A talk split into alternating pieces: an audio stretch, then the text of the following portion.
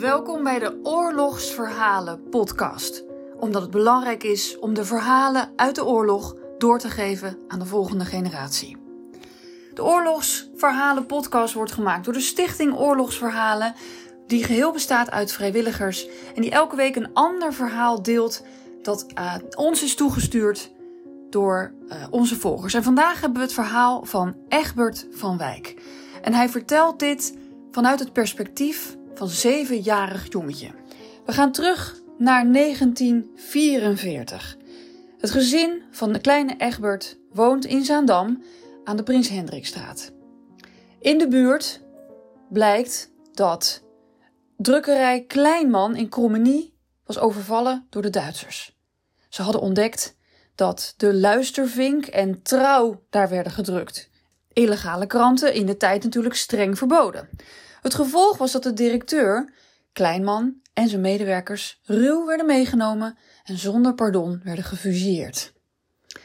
Maar de familie van Egbert wilde, koste wat kost, dat het drukken van deze kranten door zou gaan. Dat was een uitgemaakte zaak, schrijft Egbert aan ons. De volgende dag werden die kranten Trouw en Luistervink plus de levensmiddelenbonnen in Oostzaan gedrukt bij drukkerij Van Wijk aan de Kerkstraat van zijn vader en zijn oom.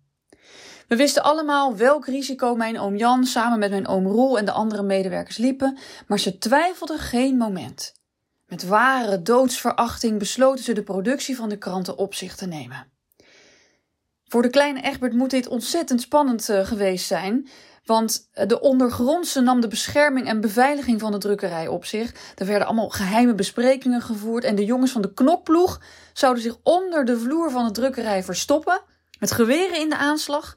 En een kijkgaatje waarmee ze dan konden zien wat er in de kerkstraat gebeurde en of ze wel veilig waren.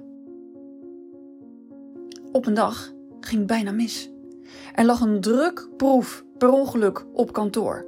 Dat was natuurlijk slordig, maar dat niet alleen, het was levensgevaarlijk. En toen de postbode de post kwam brengen, boog hij zich over die drukproef. Hij dacht, hè? Zijn gezicht sprak boekdelen. Hier dreigt een groot gevaar.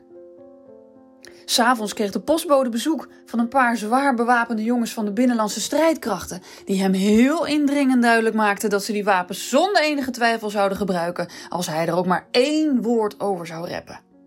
Het mannetje kromp in elkaar en heeft er nooit over gesproken aldus Egbert.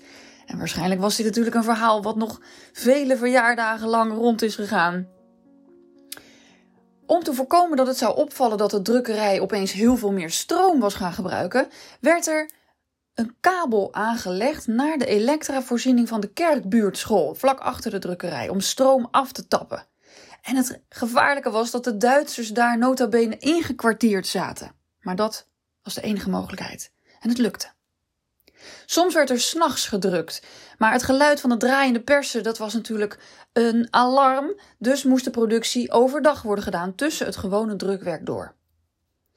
Om daar op een goede manier uit te komen kwam er elke avond een zetter en een opmaker vanuit een drukkerij Meijer uit Wormerveer helemaal naar de Kerkstraat gefietst. Wat een moed moet dat hele team gehad hebben om die klus te klaren, in de wetenschap dat dit hun leven kon kosten, elke dag weer. Dagen waarin berichten over executies, razzia's, oorlogsmisdaden niet van de lucht waren.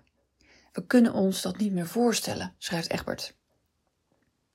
Als de kranten dan gedrukt waren, dan werden ze in een bakfiets van Simon de Wit, de grootgrutter, geladen en naar het huis van Egberts familie in Zaandam gebracht. Ook al zo'n gevaarlijke klus, maar ze kwamen altijd goed bij ons aan, schrijft hij. De hele gang stond dan vol. En daarna kwamen de bezorgers ze afhalen voor distributie en verzending door heel Noord-Holland. Dat ze dat durfden. Wat een heldhaftige optredens. Maar het gebeurde gewoon. Tot die ene kwaaie dag. Iemand had verraden dat deze verzetsdaad ergens in de Prins Hendrikstraat moest plaatsvinden. Een mededeling die de bezetter onmiddellijk omzette in een razzia-actie. Alle huizen werden doorzocht door talloze bewapende Duitse soldaten die bereid waren om direct korte metten te maken met de boosdoeners.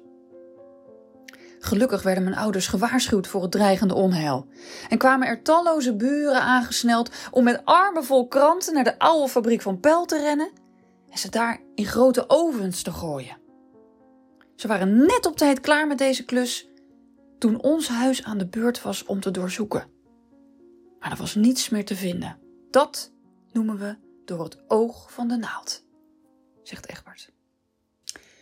Of het uit nijd was, dat zou ik niet weten, zegt Egbert. Maar een paar dagen later gebeurde het dat s'avonds acht mensen aan de Prins Hendrikade werden opgesteld met een executieteam en dat de roffels van de geweren ons door merg en been gingen. Acht goede mensen, onschuldig doodgeschoten, gewoon als represaille. Ze hadden met onze kranten niets te maken. Hoe pijnlijk was dat? Maar zo ging dat in die tijd. Het woord clementie kenden de Duitsers niet. Dat dit grof onrecht was, dat deerde hij niet. Dat deze dingen gebeurd zijn, dat raakt mij tot op de dag van vandaag nog steeds diep.